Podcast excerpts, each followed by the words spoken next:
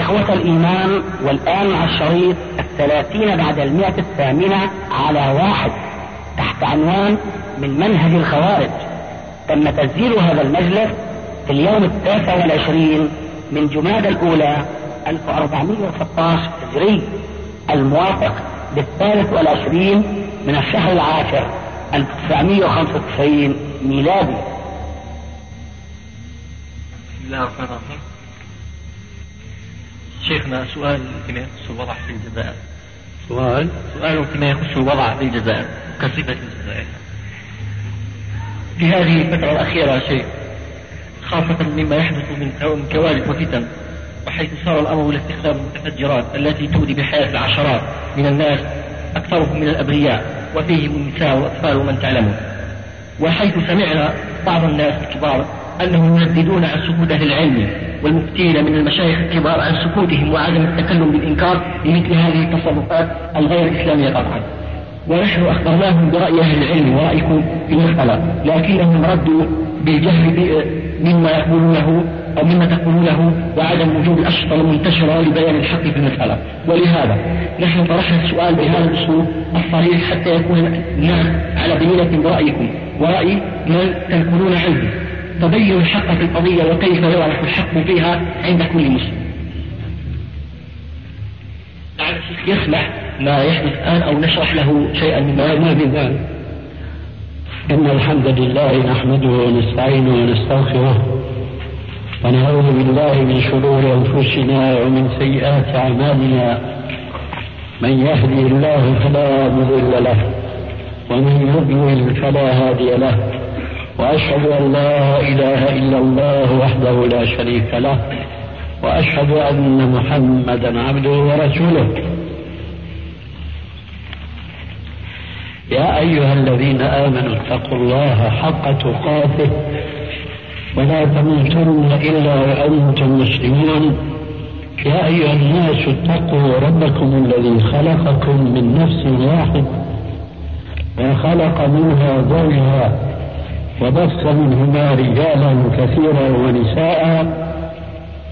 واتقوا الله الذي تساءلون به والأرحام. إن الله كان عليكم رقيبا.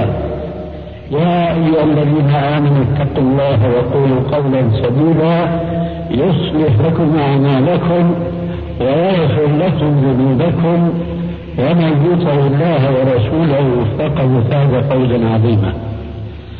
أما بعد فإن خير الكلام كلام الله وخير الهدي هدي محمد صلى الله عليه وآله وسلم وشر الأمور محدثاتها وكل محدثة بدعة وكل بدعة ضلالة وكل ضلالة في النار.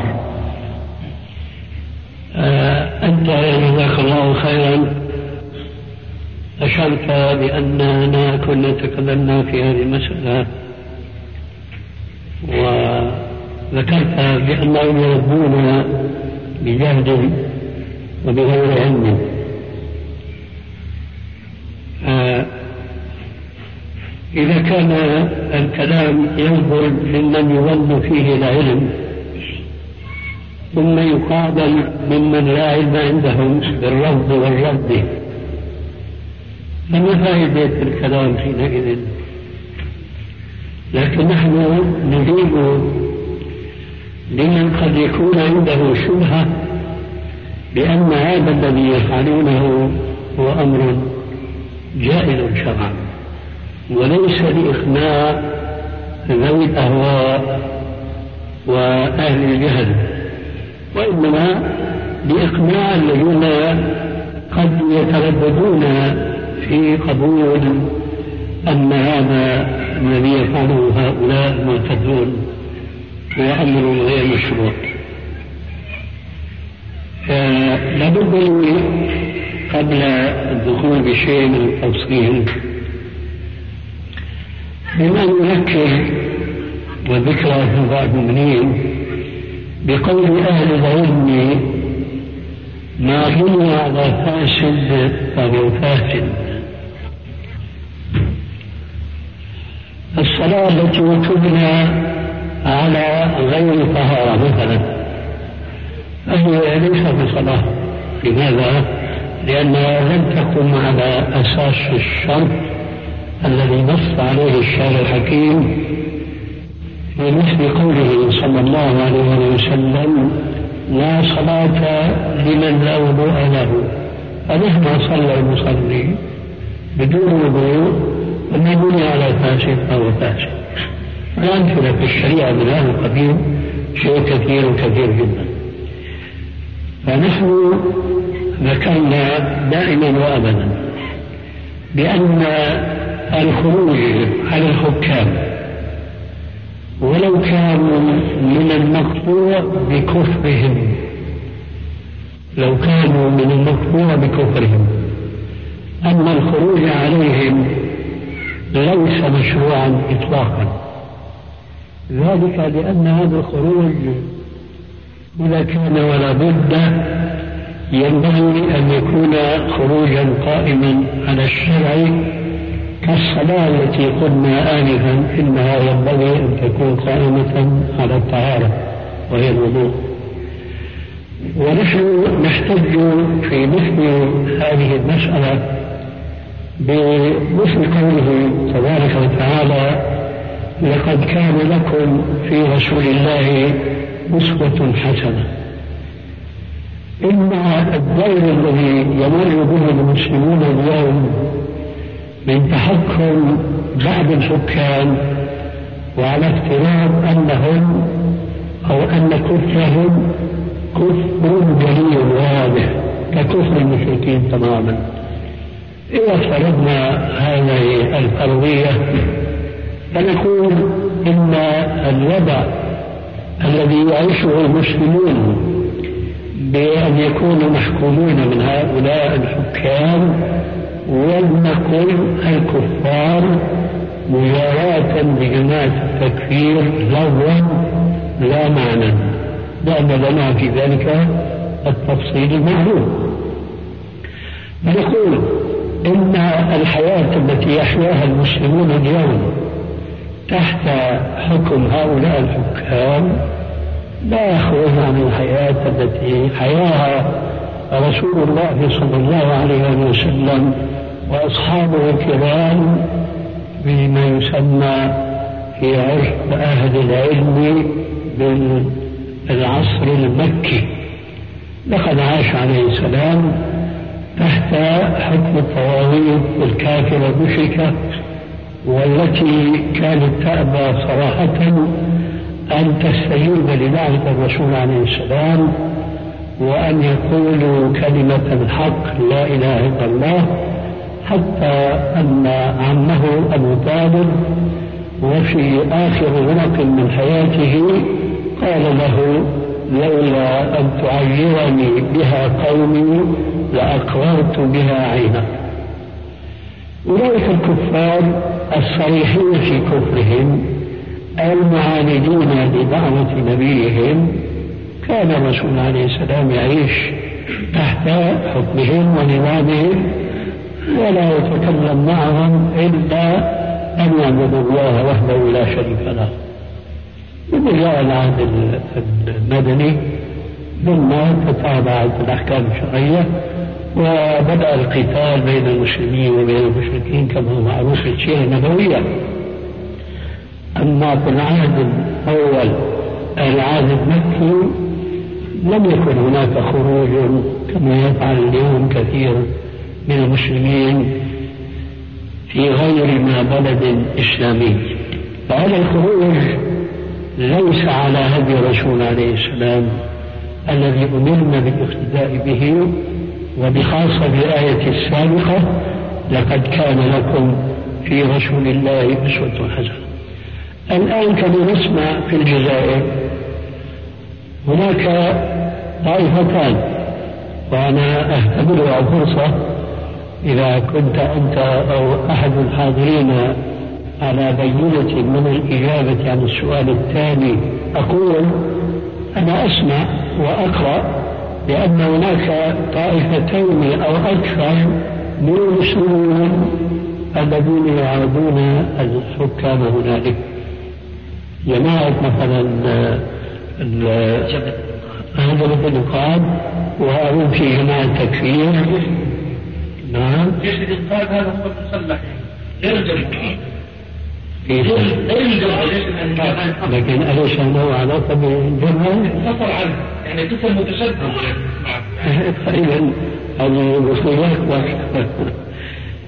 أنا أردت أن أستوثق من وجود أكثر من جماعة مسلمة ولكل منها سبولها ومنهجها في الخروج عن الحاكم ترى لو قضي على هذا الحاكم وانتصرت طائفة من هذه الطوائف التي تعلن إسلامها ومحاربتها بالحاكم الكافر من زعمهم ترى هل ستتفق هاتان الطائفتان فضلا عما إذا كانت هناك طائفة أخرى ويقيمون حكم الإسلام الذي يقاتلونه من أجله سيقع الخلاف بينهم.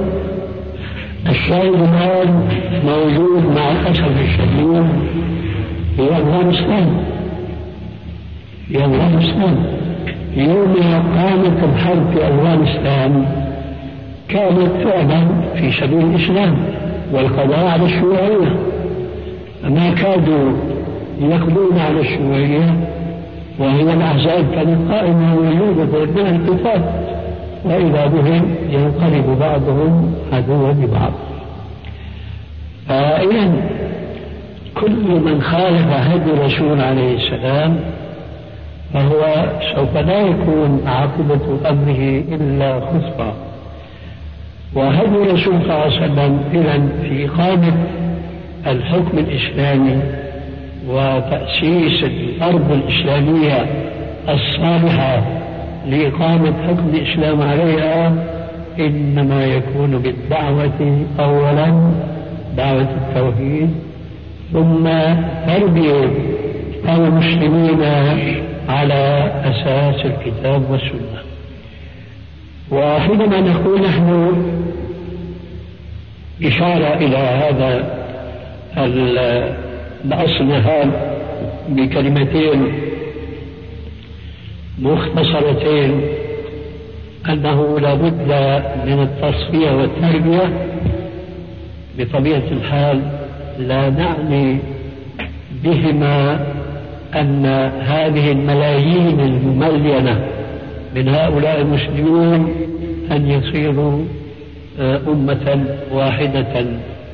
وإنما نريد أن نقول أن من يريد أن يعمل بالإسلام حقا وأن يتخذ الوسائل التي آه، تمهد له إقامة حكم الله في الأرض لا بد أن يقتدي برسول الله صلى الله عليه وسلم حكما وأسلوبا. حكما وأسلوبا. آه، بهذا نحن نقول إنه ما يقع سواء في الجزائر أو في مصر هذا خلاف الإسلام. لأن الإسلام يأمر بالتصفية والتربية. أقول التصفية والتربية لسبب يعرفه أهل العلم. نحن اليوم في القرن الخامس عشر ورثنا هذا الإسلام كما جاءنا طيلة هذه القرون الطويلة. لم نرث الإسلام كما أنزله الله على قلب محمد عليه الصلاة والسلام. لذلك الإسلام الذي آتى أكله وثماره في أول أمره هو الذي سيؤتي أيضا أكله وثماره في آخر أمره كما قال عليه الصلاة والسلام أمتي كالمطر لا يدرى الخير في أوله أم في آخره. فإذا أرادت الأمة المسلمة أن تكون حياتها على هذا الخير الذي أشار إليه الرسول عليه السلام في هذا الحديث. وفي الحديث الآخر الذي هو منه أشهر لا تزال طائفة من أمتي ظاهرين على الحق لا يضر من خالفهم حتى يأتي أمر الله. أقول لا نريد بهاتين الكلمتين أن نصبح الملايين المميزة من المسلمين. قد تبنوا الإسلام مصفا وربوا أنفسهم على هذا الإسلام المصفى لكننا نريد لهؤلاء الذين يهتمون حقا أولا بتربية نفوسهم ثم بتربية من يلوذ بهم ثم ثم يوصل الأمر إلى هذا الحاكم الذي لا يمكن آه، تعديله أو إصلاحه أو القضاء عليه إلا بهذا التسلسل الشرعي المنطقي. بهذا نحن كنا نجيب لأن هذه الثورات وهذه الانقلابات التي تقام حتى الجهاد الأفغاني كنا نحن غير مؤيدين له أو غير مستبشرين بعواقب أمره حينما وجدناهم خمسة أحزاب. والآن الذي يحكم والذي قاموا ضده معروف بأنه من رجال الصوفية مثلا. فالقصد أن من أدلة القرآن الكريم أن الاختلاف ضعف حيث أن الله عز وجل ذكر من أسباب الفشل هو التنازع والاختلاف. ولا تكونوا من المشركين من الذين فرقوا دينهم وكانوا الشيعة كل حزب بما لديهم فرحون. إذا إذا كان المسلمون أنفسهم شيعا لا يمكن أن ينتصروا لأن هذا التشيع وهذا التفرق إنما هو دليل الضعف إذا على الطائفة المنصورة التي تريد أن تقيم دولة الإسلام بحق أن تتمثل بكلمة آه، أعتبرها من حكم العصر الحاضر. قال أحد الدعاة ولكن أتباعه لا يتابعونه. ألا وهي قوله أقيموا دولة الإسلام في قلوبكم تقم لكم على أرضكم. فنحن نشاهد أن لا أقول الجماعات التي تقوم بهذه الثورات بل أستطيع أن أقول بأن كثيرا من رؤوس هذه الجماعات لم يطبقوا هذه الحكمة التي هي تعني ما نقوله نحن بتلك اللفظتين التصفية والتربية. لم يقوموا بعد بتصفية الإسلام مما دخل فيه مما لا يجوز أن ينسب إلى الإسلام في العقيدة أو في العبادة أو في السلوك. لم يحققوا هذا أي تصفية في أنفسهم فضلا عن أن يحققوا التربية في ذويهم فمن أين لهم أن يحققوا التصفية والتربية في الجماعة التي هم يقودونها ويثورون معها على هؤلاء الحكام؟ أقول إذا عرفنا آه، بشيء من التفصيل تلك الكلمة ما بني على فاسد. فجوابنا واضح جدا أن ما وقع في الجزائر وفي مصر وغيرها هو سابق لأوانه أولا ومخالف لأحكام الشريعة غاية وأسلوبا ثانيا. لكن لابد من شيء من التفصيل فيما جاء في السؤال. نحن نعلم أن الشعر الحكيم بما فيه من عدالة وحكمة نهى الولاة المسلمين الأولين أن يتعرضوا في غزوهم للنساء فنهى عن قتل النساء وعن قتل الصبيان والأطفال بل ونهى عن قتل الرهبان المنطوين على أنفسهم لعبادة ربهم زعموا فهم على شرك وعلى ضلال. نهى الشرع الحكيم قواد المسلمين أن يتعرضوا لهؤلاء لتطبيق أصل من أصول الإسلام ألا وهو قوله تبارك وتعالى في القرآن أن لم ينبأ بما في صحف موسى وإبراهيم الذي وفى ألا تزر وازرة وزر أخرى وأن ليس الإنسان لما سعى. فهؤلاء الأطفال وهذه النسوة والرجال الذين ليسوا لا مع هؤلاء لا مع هؤلاء. فقتلهم لا يجوز إسلاميا.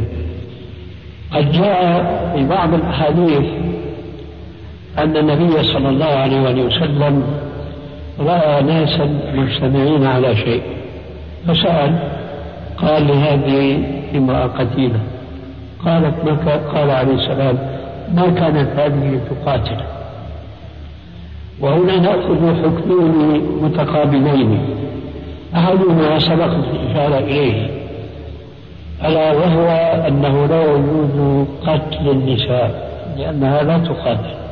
لكن الحكم الآخر أننا إذا وجدنا بعض النسوة يقاتلون المسلمين في جيش المحاربين أو الخارجين حينئذ يجوز للمسلمين أن يقاتلوا أو أن يقتلوا هذه المرأة التي شاركت الرجال في تعاطي القتال. فإذا كان السؤال إذا بأن هؤلاء حينما يفخخون كما يقولون بعض السيارات ويفجرونها تصيب بشظاياها من ليس عليه مسؤولية إطلاقا في أحكام الشرع؟ وما يكون هذا من الإسلام في شيء إطلاقا. لكن أقول أن هذه جزئية من كلية. أخطرها هو هذا الخروج الذي مضى عليه بضع سنين ولا يزداد الأمر إلا سوءا. لهذا نحن نقول إنما الأعمال بالخواتيم والخاتمة لا تكون حسنة إلا إذا كانت قائمة على الإسلام. ما بني على خلاف الإسلام فسوف لا يثمر إلا الخراب والدمار. تفضل. بسم الله الرحمن الرحيم. سؤال ثاني بالنسبة للشريط الذي سجل فيه لقاءكم مع الشيخ علي بن حاج فإنه لا يعلم عنه لا يعلم له شيء في الموجود. لما علمتموه من العهد الذي أخذه الشيخ علي, آه، بن حاج منكم في عدم إخراجه للناس. وقد تردد على ألسنة الكثير من الجزائريين التساؤل عن ما عما في هذا الشريط وضرورة إخراجه للناس والأمة حتى يعرف الحق الذي فيه وخاصة أنه أمر متعلق بحق وباطل ومصير أمة وشعب بأكمله ولقد كلمنا الشيخ عبد ليلى عن إخراج الشريط تعلق الأمر بكم أي بالشيخ محمد ناصر الألباني وبالشيخ أبو مالك محمد بن شقرة. أما الشيخ أبو مالك قد أخبرناه بذلك فأبدى القبول آه، والرضا وقال على العهد المذكور أنه باطل وفيه كتب للحق. وبقي قولكم فهل أنت موافق على إخراج الشريط للناس؟ أنا قد أوافق وقد لا أوافق لأني لست مستحضرا ما فيه من المسائل. هو موجود عندك؟ طبعا بتذكر يوميت رفض الرجل التفسير وجلست أكثر من ربع ساعة في إلحاح بيني وبينه أمامكم. أخيرا طبعا أنت قلت له يعني لماذا لا تريد أن تسجل؟ قال لا أحب أنا يعني الشهرة وكذا. قال إذا وقت التأليف. قال بالنهاية شيخنا آه الشيخ أبو مالك قال لا يخرج الشريط إلا بإذنك. وهذا مسجل الكلام آه. أي نعم فسألتكم مرة أنا نجلس نحن والشيخ أبو مالك وإياكم حتى نتباحث في هذا الموضوع هل يذكر ابن مالك هذا الكلام؟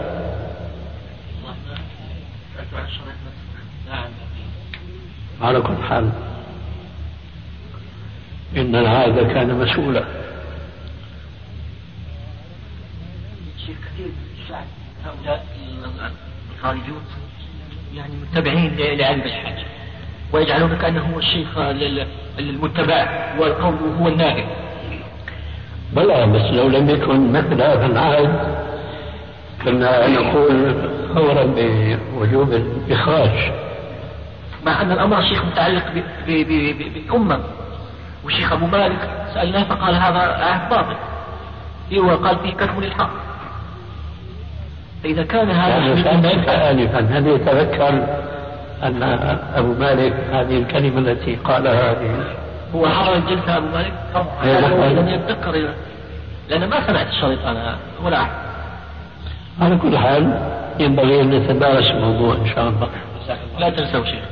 ما هاد ما عندك؟ غيره شيخ الآن أسأل الأخ اللي صلى وسلم صافر عليها. ما شاء الله. السلام عليكم.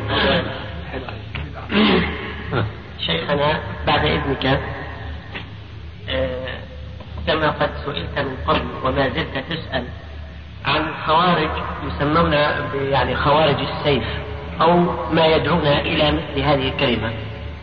آه، قد جلت وصلت في أناس كتبوا في منهج الخوارج منهجا فوجدت من بعد استقراء هذا يعني المنهج أنه على منوال خوارج أهل القرون الأولى كما بدا لي. ورتبت كلاما لعلي أن أقتصر على يعني الفائدة منه إن شاء الله آه، كالآتي. خوارج العصر ينقلون عن السلف أقوالا مبتورة مقطوعة ليس لها معنى ذا وحدة موضوعية فإن أخذ الناقل منهم عن أحدهم أخذ الأول من كلامه دون الثاني أو الثاني دون الأول. التقول عليهم بما لم يقولوا وتحميلهم معاني لكلامهم لم يعنوها وتقصيدهم ما لم يقصدوه في أقوالهم. أمينهم ينقل معتمدا أقوال السلف اعتضادا بها ليس اعتمادا عليها بحيث الإجمال سمتها وعدم الإيضاح في فكرتها واضح وهذه الطريقة الوحيدة المعترضة عندهم في منهاجهم وإعلانه وإشهاره. الموضوع الذي أحببت يعني أن أظهره أمامك أن الخروج عن منهج السلف كان بما كتبته هنا. أن من مات مقرا بالتوحيد ولم يعمل بمقتضاه وأول مقتضى التوحيد هو الصلاة. منافق لم ينفعه هذا الإقرار.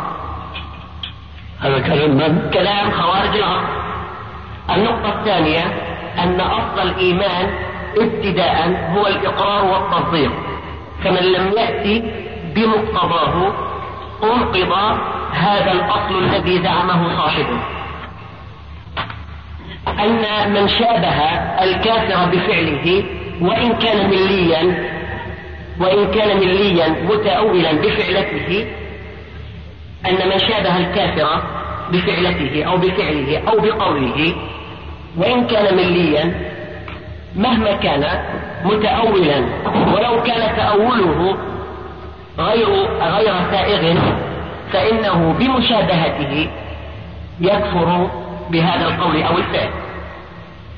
النقل عن النبي صلى الله عليه وسلم نصوصا أو من كتاب الله مكتورة لا يفهم لها منهجا يتخذه أو اتخذه صاحبه يعني دليلا يفهم القارئ أو السامع له أنه صاحب حجة. القضية كذلك في مسألة العلو بالجهل أن من كان معذورا بالجهل هو الذي لم تصله الحجة سواء كانت عقلية أو نقلية. أنا سأورد واحدة واحدة؟ أو كل شيخ في السبب نعم. أنت قلت سؤال. أي محاضرة؟ طيب. سامح طيب أقطع الموضوع تقطيع افضل عشان الشيخ لا لا شو تقطع هو شو سؤاله؟ شو سؤاله؟ ما هو سؤالك يا سؤالي؟ هذه وأنا ما اخذ هذه محاضرة. والجلسه لا تتحمل محاضرة. ما هو سؤالك؟ سؤالي. وينبغي ان يكون السؤال يعني بحاجة إلى توجيهه وسماع جوابه. أما إذا كان أمرا مطروحا مرارا وتكرارا فهذا ينبغي أن نوجهه وإنما نوجه ما هو أهم منه. فما هو السؤال؟ السؤال الأول. نعم. هل صحيح أن من مات على التوحيد وإن لم يعمل بمقتضاه؟ وأول مقتضى التوحيد إقامة الصلاة. هل يكفر ويخلد مع الخالد الكافر في نار جهنم أم لا؟ السلف فرقوا بين الإيمان وبين العمل. فجعلوا الإيمان شرط جعلوا العمل شرط كمال الإيمان. ولم يجعلوه شرط صحة خلافا للخوارج. واضح هذا الجواب؟ قولكم في تأويلهم لقوله صلى الله عليه وسلم أن كلمة من لم يعمل أو جملة من لم يعمل خيرا قط ليست على ظاهرها. طيب ولماذا؟ لأنها جاءت من باب إفهام القارئ أنها من جملة نفي كمال العمل ليس جنسه. وطور السؤال ما الدليل؟ الدليل من قوله صلى الله عليه وسلم العهد الذي بيننا وبينهم الصلاة فمن تركها فقد كفر. طيب هل الكفر حينما يطلق يراد به الكفر المقارن للردة؟ لا هم يقولون لا لكن الصلاة ما عليه ما عليه نعم. إذا قالوا لا فما هو الحد الفاصل بين كفر في نص ما فيقال إنه كفر ردة. نعم. وفي نص آخر ليس كفر ردة. وكل من الأمرين المذكورين في النصين عمل. نعم. ما الفرق بين هذا وهذا؟ التفريق كثير جدا يطول تفصيله عندهم. بتأويلات أن من ترك جزء العمل ليس كمن ترك كل العمل أو أن من شابه ببعض الأعمال الكافر ببعض أعمال الكافرين ليس كما يشابه بعض أفعالهم التي نص عليها الشارع أنها كفر تخرج من الملة. هل أجبت عن السؤال؟ هذا جوابه. لا ما أريد جوابه. هل أنت شعرت بأن هذا الذي تقول جوابهم هو جواب سؤالي؟ لا أنا أريد إذا ما الفائدة يا أخي؟ أنا أريد أن يتنبأ إخواننا الطلاب أنه ليس بمجرد الدعوة تثبت تثبت القضية أنا أقول ما الفرق بين كفر يذكر في مثل هذا الحديث وبين كفر يذكر في حديث آخر وكل من الأمرين الذي أنيط به الكفر في كل من النصين وعمل نعم. أي الجامع هو العمل. فلماذا هذا العمل كفر ردة وذاك العمل ليس كفر ردة؟ مثلا قال عليه السلام لا ترجعوا بعدي كفارا يضرب بعضكم رقاب بعض. هل هذا كفر ردة أم دون ذلك؟ كذلك مثلا قول عليه السلام الأحاديث في هذا الصلاة كثيرة جدا. سباب المسلم فسوق وقتاله كفر. آه، ما هو الفارق بين كفر في حديث الصلاة وكفر في حديث القتال؟ لابد أن يكون هناك دليل آه، يعتمد عليه الذي يفرق. أهل السنة والجماعة الذين نقلنا عنهم آنفا أن العمل ليس شرط صحة وإنما هو شرط كمال. ولا يفرقون بين عمل وعمل آخر. بشرط أن يكون المؤمن قد آمن بذلك الحكم التي الذي تساءل في القيام به والعمل به.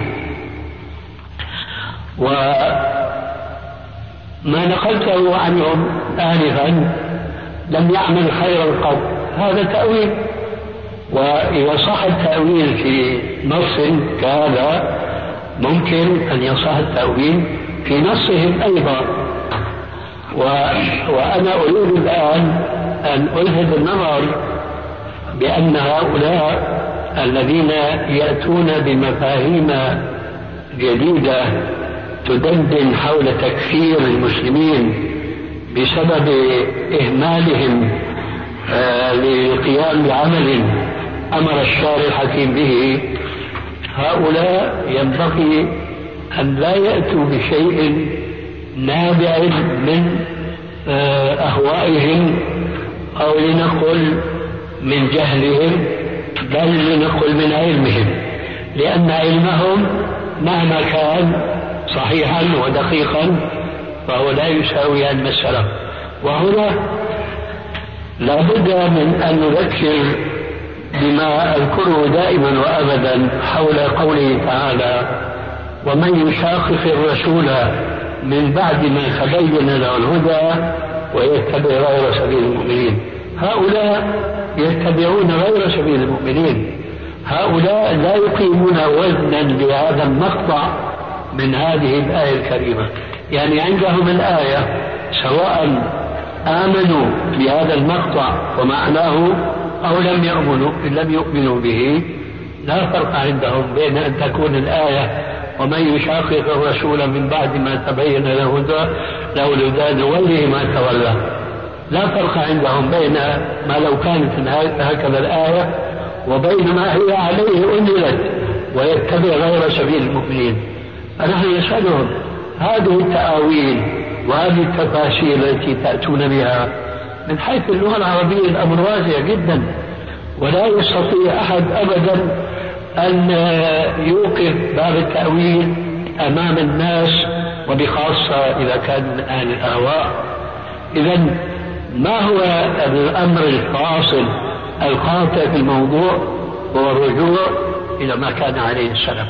هؤلاء كما أنهم لا يؤمنون بمعنى هذه القطعة من الآية ويتبع غير سبيل المؤمنين هم أيضا أنا على مثل اليقين لا يؤمنون بمثل قوله عليه السلام عليكم بسنتي وسنة الخلفاء الراشدين من بعدي. لا يؤمنون بمثل قوله عليه السلام حينما سئل عن الفرقة الناجية قال هي الجماعة لأنهم خرجوا عن الجماعة.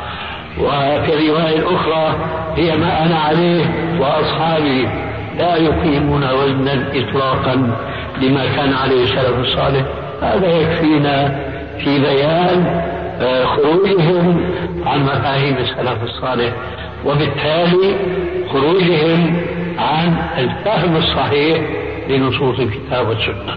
كأنه عندك شيء. الجواب على سؤالك شيخنا وجهة نظرهم أذكره؟ آه تفضل. ينقلون ويتكلمون على كلمة لشيخ الإسلام ابن تيمية رحمه الله في الاقتضاء.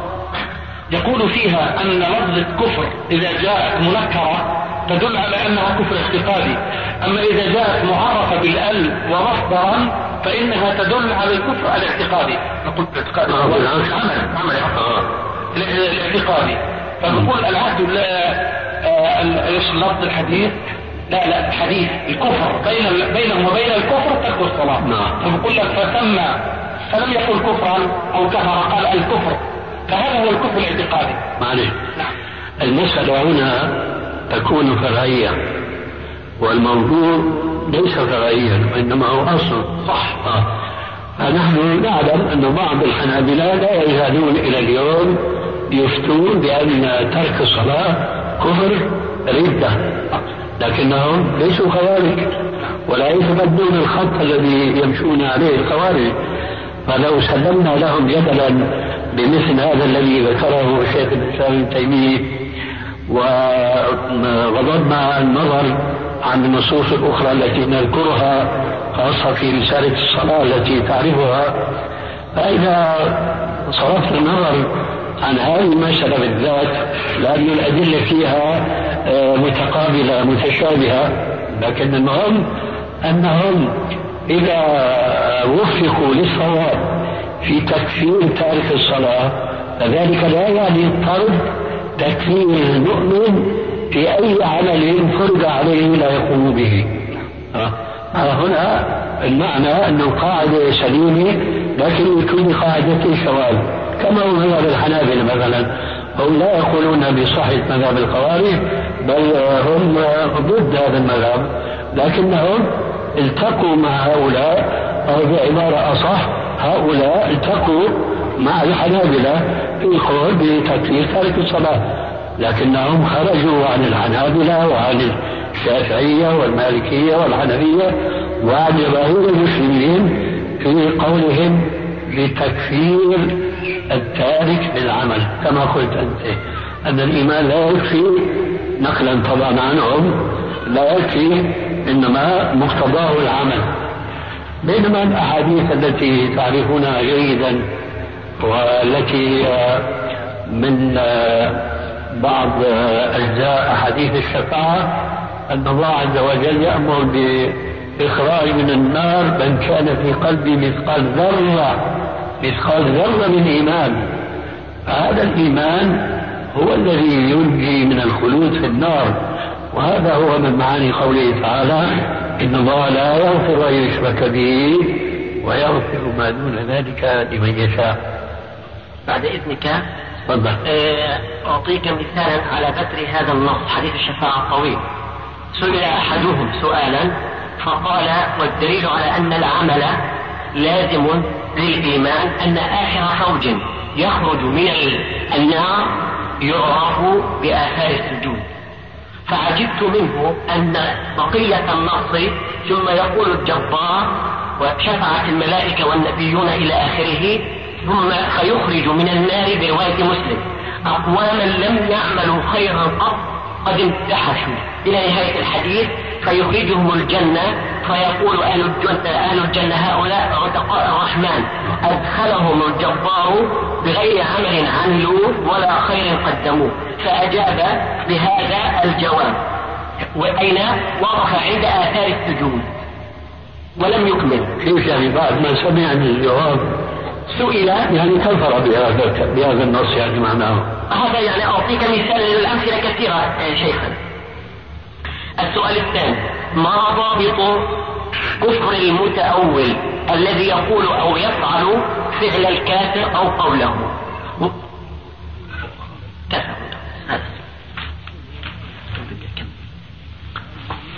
الضابط بين البشر مفقود. نعم. لكن الله يعلم ما في القلوب. علماء السلف كما تعلمون يضللون المرية ويضللون المعتزلة لكنهم لا يفسرونهم. صحت هذه الرواية من حيث السند لأنه لا لم يتاح لي الوقوف على السند لكن المعنى هو معنى صحيح بمعنى أنه ليس كل من وقع في الكفر وقع الكفر عليه.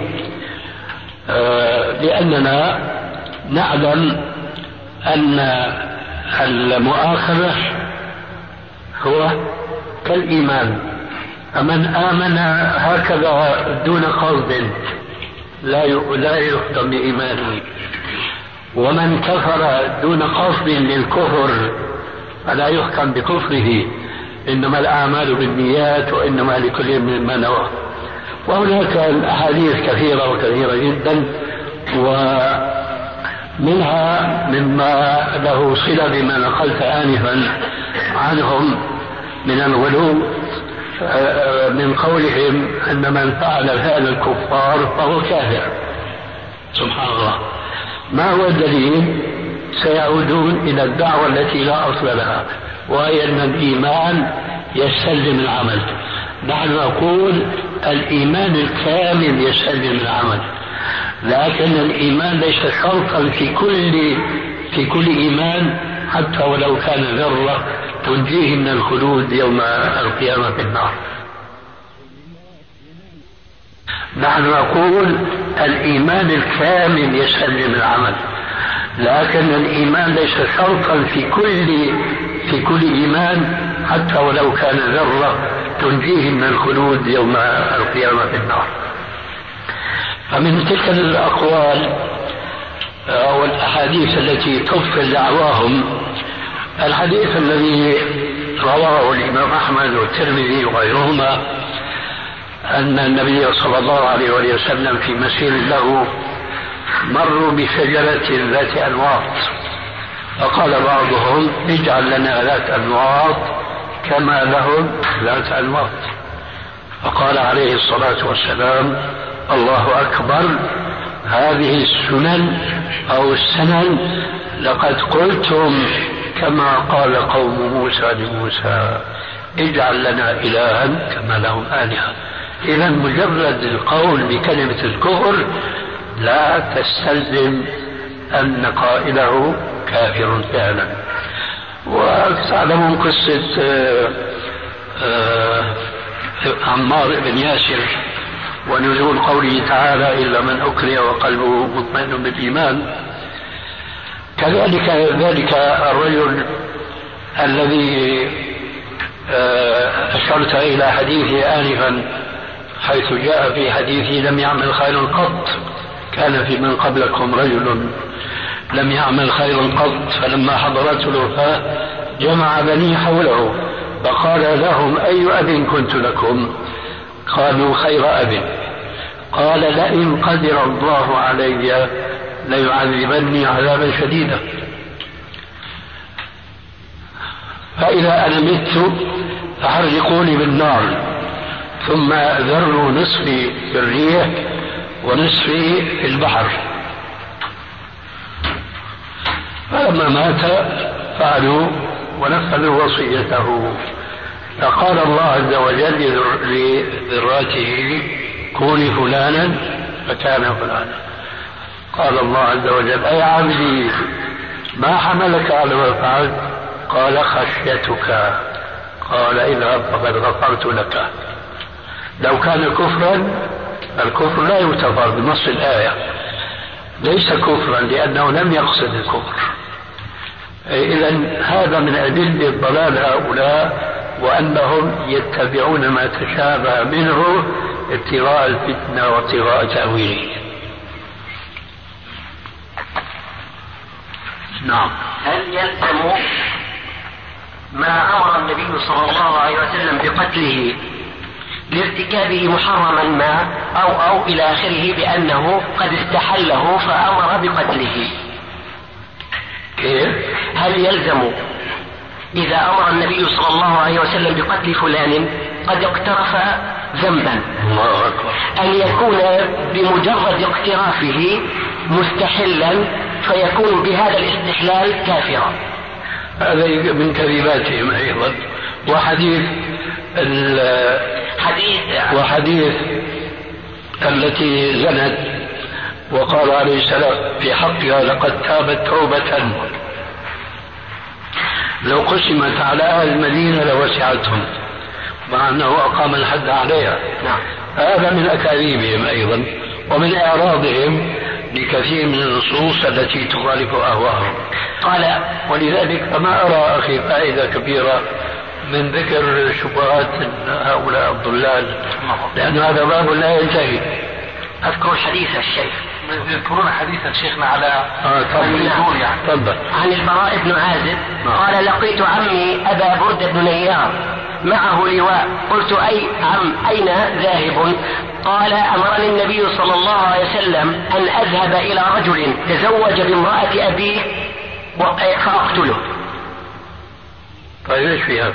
أن هذا النص دليل على أن من أمر النبي صلى الله عليه وسلم بقتله لارتكابه هذا المحظور لزم من هذا أنه استحل ذلك يا أخي فهمت ما الدليل على هذا؟ أنه تزوج وهذا استحلال يا أخي ما اختلفنا الذي يقتل النفس المؤمنة أليس استحلالا؟ نعم طيب فهل هو كافر؟ ليس بذلك إيش الفرق بين هذا وهذا؟ كما قلت لك آنفا إيش الفرق بين كفر في عمل وكفر في عمل. إيش الفرق؟ لا خير. هذا من هذا يا أخي يعني ممكن الإنسان أن يضع احتمالات في نصوص الكتاب والسنة. النصارى يمكن تعرفون النصارى يحتجون ببعض نصوص القرآن على تسليثهم وعلى كفرهم.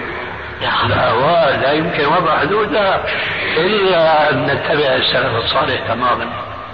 هذا هو الحكم الفصل بيننا وبينهم.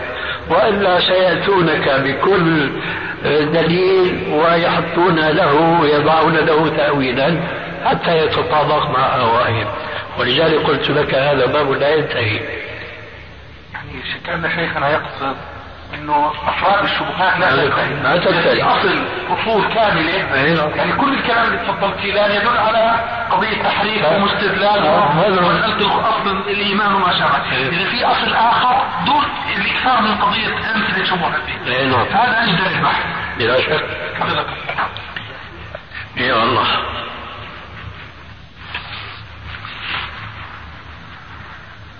هل من تأول عن تقصير ولم يقصد قلنا بأنه لا يكفر. بلى لكنه يؤاخذ. يؤاخذ لكن لا يكفر. أي نعم. آه الجاهل الذي يقصد بجهله الكفر هذا أظن الذي لا يعذر بجهله.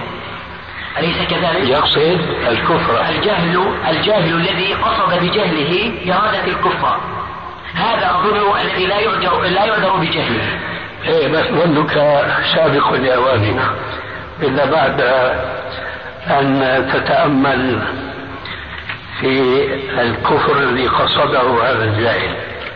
هل هو يعلم أنه كفر شرعا؟ لا يعلم. يعلم. نعم. نعم. بهذا القيد ممكن. نعم.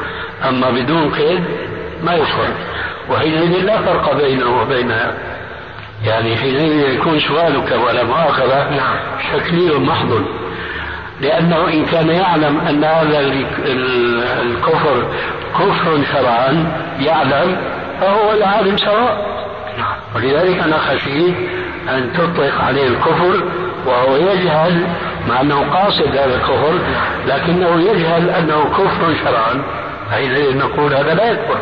لكن إذا كان عالما فلا فرق إذا بينه وقد وصفته بأنه جاهل وبين غيره وقد وصفته عالم لأنه اشترك كلاهما في معرفة أن هذا الكفر هو كفر شرعا. فإذا لا عذر لهذا. أخيرا ما الرد على من يقول ومن يشاقق الرسول من بعد ما تبين له الهدى ويتبع غير سبيل المؤمن غير سبيل المؤمنين قال سبيل المؤمنين هو الكتاب والسنة. هذا هو هذا ما أشرت إليه آنفا. رجع الأمر إلى أنه لا فرق بين واقع الآية وبين ما لو كانت ومن يشاقق الرسول من بعد ما تبين له الهدى نوله ما تولى. هذا لهو يترفع الكلام الإلهي عن أن ينسب إليه. ليس في القرآن كلمة فضلا عن جملة كهذه ويتبع غير سبيل المؤمنين إلا وضعت لقصد وغاية عظيمة جدا. نعم. وهذا من جملة التأويل التي لا تنتهي ونسميها بال... بالاسم الصحيح؟ من جملة التعطيل الذي يوصف به المعطلة في الصفات. ثم ماذا يقولون فيما إذا فعل بعض الصحابة؟ عليكم السلام ورحمة الله وبركاته. إذا فعل بعض الصحابة فعلا. انظر الآن كيف ينكشف ضلال هؤلاء من جوانب عديدة وكثيرة جدا جدا. ماذا يقولون فيما إذا جاء بعض الصحابة آه، قول أو فعل أو فتوى لا تخالف الكتاب والسنة. أيأخذون به أو بها؟ أم يقولون نحن رجال وهم رجال؟ ماذا تظن فيهم؟ لا يقولون نحن رجال وهم رجال. لا لا. لكنهم يقولون تأدبا أن الفهم الذي فهمناه هو الفهم المطلوب والفهم الذي تلزمنا إياه هو فهمك الذي تلزم نفسك فقط به. حتى عن الجواب.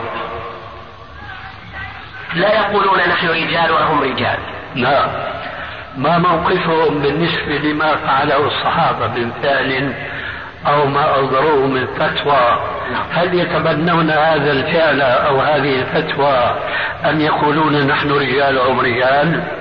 لا يقولون واقعنا أو حال يعني المعصية التي بين أيدينا والظاهر الذي نراه بين أيدينا ليس كما تصوره سلف الأمة الأوائل. الله أكبر. نعم. يعني يؤثرون فهمهم على فهم أولئك. نعم. وما معنى ما أنا عليه وأصحابي؟ أيضا لابد من تحريفه. آه ذكر الشيخ سفر. أرجو يعني أن تسمح لي. نعم. قال المجتمع الذي كان في زمن النبي صلى الله عليه وسلم صحابة. مؤمنون كثيرو الإيمان كالبحر. لو أخطأ أحدهم وإن لم يقصد فإن هذه لا تؤثر في البحر. بينما من دونهم قد يتكلم أو يفعل وعنده ماء قليل يمثل بالإيمان الماء. ماء قليل. لو قطرت فيه قطرة نجاسة لوثته ونجسته وأصبح غير قابل للطهارة أو للتطهير. كلام شعري جميل. نعم. لكنه حيز عن الجواب. أعيد عليك السؤال. أنا ما أسأل عن الفرق بين خطأ الأولين والآخرين حتى يأتي هذا الجواب بهذا الكلام الشعري الجميل. إنما أنا أسأل إذا فعل بعض الصحابة فعلا بعض أو أفتوا بفتوى. وليس هناك في الكتاب والسنة ما يخالفه هل نؤثر فهمنا نحن على فهمهم أم نتنازل عن فهمنا لفهمهم؟ لأنهم أطهر قلوبا وأغزر علما وإلى آخر ما هنالك من صفات معروفة جدا. لعله السؤال واضح. نعم. فلعلي أحظى بالجواب هذه المرة.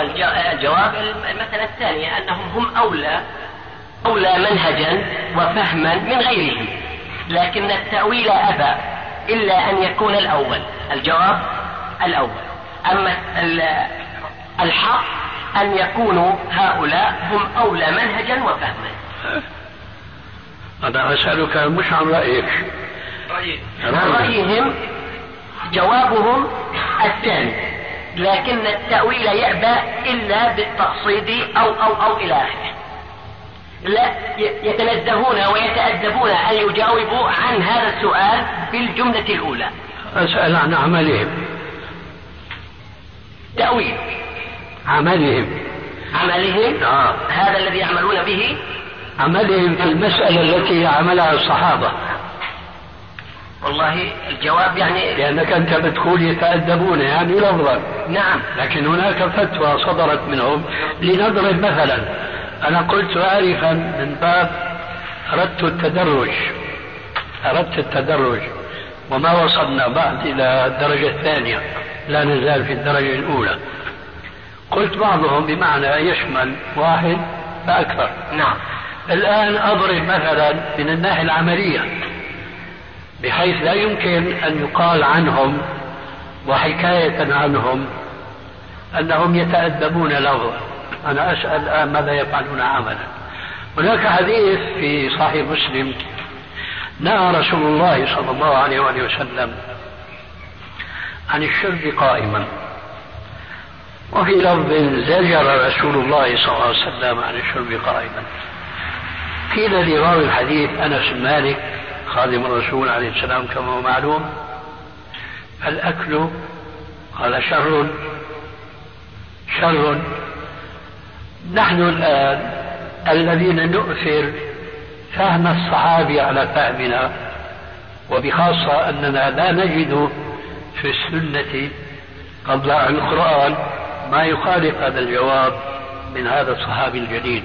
أنس مالك نحن الآن عملا لا نفرق بين الشرب قائما والأكل قائما كما أننا لا نشرب قائما وإنما جالسا كذلك لا نأكل قياما وإنما جالسا. هم ماذا يفعلون؟ ماذا يفعلون؟ أظن في هذه الأحكام متبعون مقتفون لطريقة السلف. ما أظن لأنهم يحاجون حين ذاك وأنا أرجو أن يكون حكايتك هذه حكاية صحيحة وليست من باب إحسان الظن. أنا أرجو أن يكون هذا حكاية عنهم حكاية مطابقة لواقعهم لأننا حينئذ نأخذهم من هنا من هذه الجزئية نقيم عليهم الحجة. لماذا أنتم الآن آه، اتبعتم السلف في هذه الجزئية؟ بل اتبعتم شخصا واحدا. بينما أنا كان كلامي السابق بعضهم يشمل الواحد واثنين وأكثر من ذلك. فأنت أجبت بجواب يخالف هذا الجواب الآن. لماذا؟ لأني طورت السؤال. طورت السؤال بناء على تطور إجابتك عنهم. قلت إنهم يتأدبون باللفظ. طيب ماذا يفعلون في العمل الذي عملوه؟ هذا عمل فعله صحابي واحد. قال الأكل شر. إذا نحن السلف حقا إن شاء الله نحن أيضا لا نأكل من قياها. ماذا يفعلون؟ قلت عنهم وأرجو أن يكون هذا عنهم صوابا إنهم يتبعون السلف.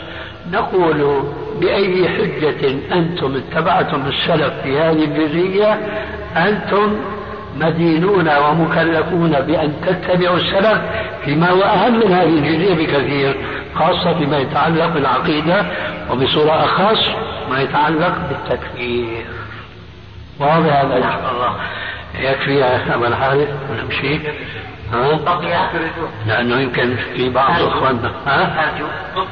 بس كلمة تأييد كلام شيخنا تفضل في قضية فهم السلف شيخنا نعم كلمة من فطرين للإمام الشاطبي بارك الله فيه رائعة جدا يقول فيها شيخنا في كتاب الموافقات إيه؟ الجزء الثالث صفحة 77 يقول يجب على كل ناظر الدليل الشرعي مراعاة ما فهم منه الأولون. وما كانوا عليه في العلم في العمل به فهو أحرى بالصواب وأقوم في العلم والعمل. اي والله. آمنت بالله وما جاء به رسول الله وبما اتبعوه سلفنا الصالح أي نعم. في كتاب الإذكار ينقل عبارة وينسبها لأبي حنيفة وحماد بن سليم وربيعة ربيعة بن غالب فيقول كانوا يقولون رأينا لمن بعدنا خير لهم من رأيهم لأنفسهم هذا الرأي. فما بال رأي السلف الصحابة بالنسبة لمن بعده؟ من باب أولى. يمكن السؤال الأخير شيخ؟ تفضل. يتأولون احفظ كلامك. شيخنا أي نعم. أي نعم. يتأولون تفسير قول ابن عباس رضي الله تعالى عنه في قوله تعالى ومن لم يحكم بما أنزل الله فأولئك هم الكافرون. تأدبا ان ابن عباس لم يقصد في قوله هذا في من ضاها بتشريعه أحكام وتشريع الله تعالى؟ وأتى بتشريعات مضاهية لتشريعات الله. بل قصد هذا في من غير وبدل في نظام الحكم من ملكي إلى يعني من آه، شورى أو خلافة إلى ملكي اخره فقط. فأرجو الجواب عن هذا. لا يفيدهم شيئا إطلاقا هذا التأويل الهزيل ذلك لأنه أولا كأي تأويل من تأويلاتهم. لأننا سنقول لهم ما دليلكم على هذا التأويل؟ فسوف لا يحيرون جوابا. هذا أولا. آه ثانيا الآية التي قال فيها عبد الله بن عباس هذه الكلمة معروفة. ومن لم يحكم بما أنزل الله فأولئك هم الكافرون. بماذا فسرها علماء التفسير؟ سيعود للمناقشة من أولها. نعم. علماء التفسير اتفقوا على أن الكفر قسمان كفر اعتقادي وكفر عملي. وقالوا في هذه الآية بالذات من لم يعمل بحكم أنزله الله فهو في حال من حالتين. إما أنه لم يعمل بهذا الحكم كفرا به فهذا من أهل النار خالدا فيها أبدا وإما اتباعا لهواه لا عقيدة وإنما عملا. كهؤلاء الكفار الذين لا يؤمنون بالإسلام فلا كلام فيهم. هذا بالنسبة للكفر الاعتقادي. وكهؤلاء المسلمين الذين فيهم المرابي وفيهم الزاني وفيهم السارق وهو إلى آخره. هؤلاء لا يطلق عليهم كلمة الكفر بمعنى الردة إذا كانوا يؤمنون بشرعية تحريم هذه المسائل. حينئذ علماء التفسير في هذه الآية صرحوا بخلاف ما تأولوا. فقالوا الحكم الذي أنزله الله إن لم يعمل به اعتقادا فهو كافر. وإن لم يعمل به إيمانا بالحكم لكنه تساهل في تطبيقه هذا كفر كفر عملي.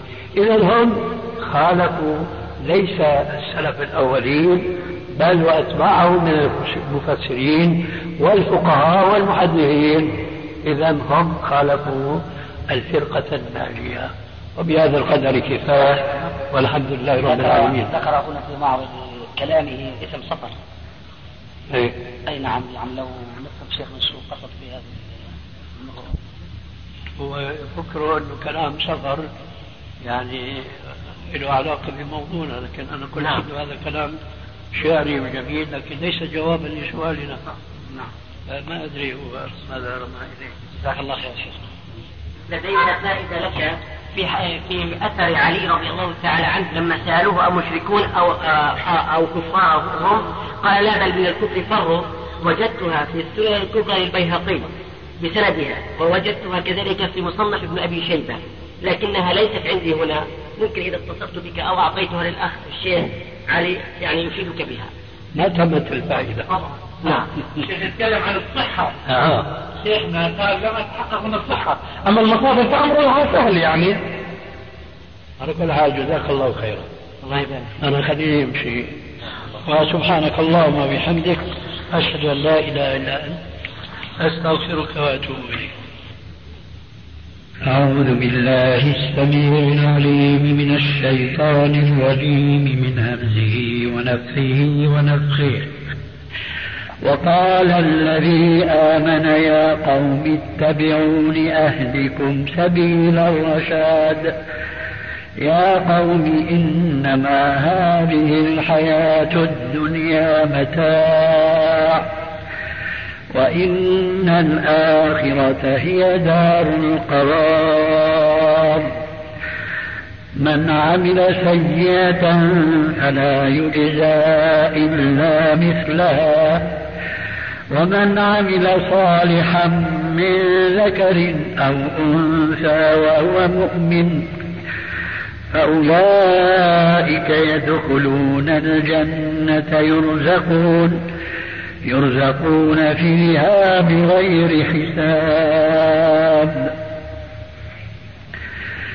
ويا قوم ما لي أدعوكم إلى النجاة وتدعونني إلى النار. تدعونني لأكفر بالله وأشرك به ما ليس لي به علم. وأنا أدعوكم إلى العزيز الغفار. لا جرم أن ما تدعونني إليه ليس له دعوة ليس له دعوة في الدنيا ولا في الآخرة وأن مردنا إلى الله وأن المسرفين هم أصحاب النار. فستذكرون ما أقول لكم وأفوض أمري إلى الله. إن الله بصير بالعباد. أعوذ بالله السميع العليم من الشيطان الرجيم من همزه ونفخه ونفخه. يا أيها الذين آمنوا اتقوا الله حق تقاته ولا تموتن ولا تموتن إلا وأنتم مسلمون. واعتصموا بحبل الله جميعا ولا تفرقوا. واذكروا نعمة الله عليكم إذ كنتم أعداء فألف بين قلوبكم فألف بين قلوبكم فأصبحتم بنعمته إخوانا وكنتم على شفا حفرة من النار فأنقذكم منها.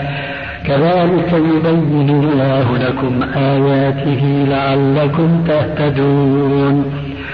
ولتكن منكم أمة يدعون إلى الخير ويأمرون بالمعروف وينهون عن المنكر. وأولئك هم المفلحون. ولا تكونوا كالذين تفرقوا واختلفوا من بعد ما جاءهم البينات وأولئك لهم عذاب عظيم.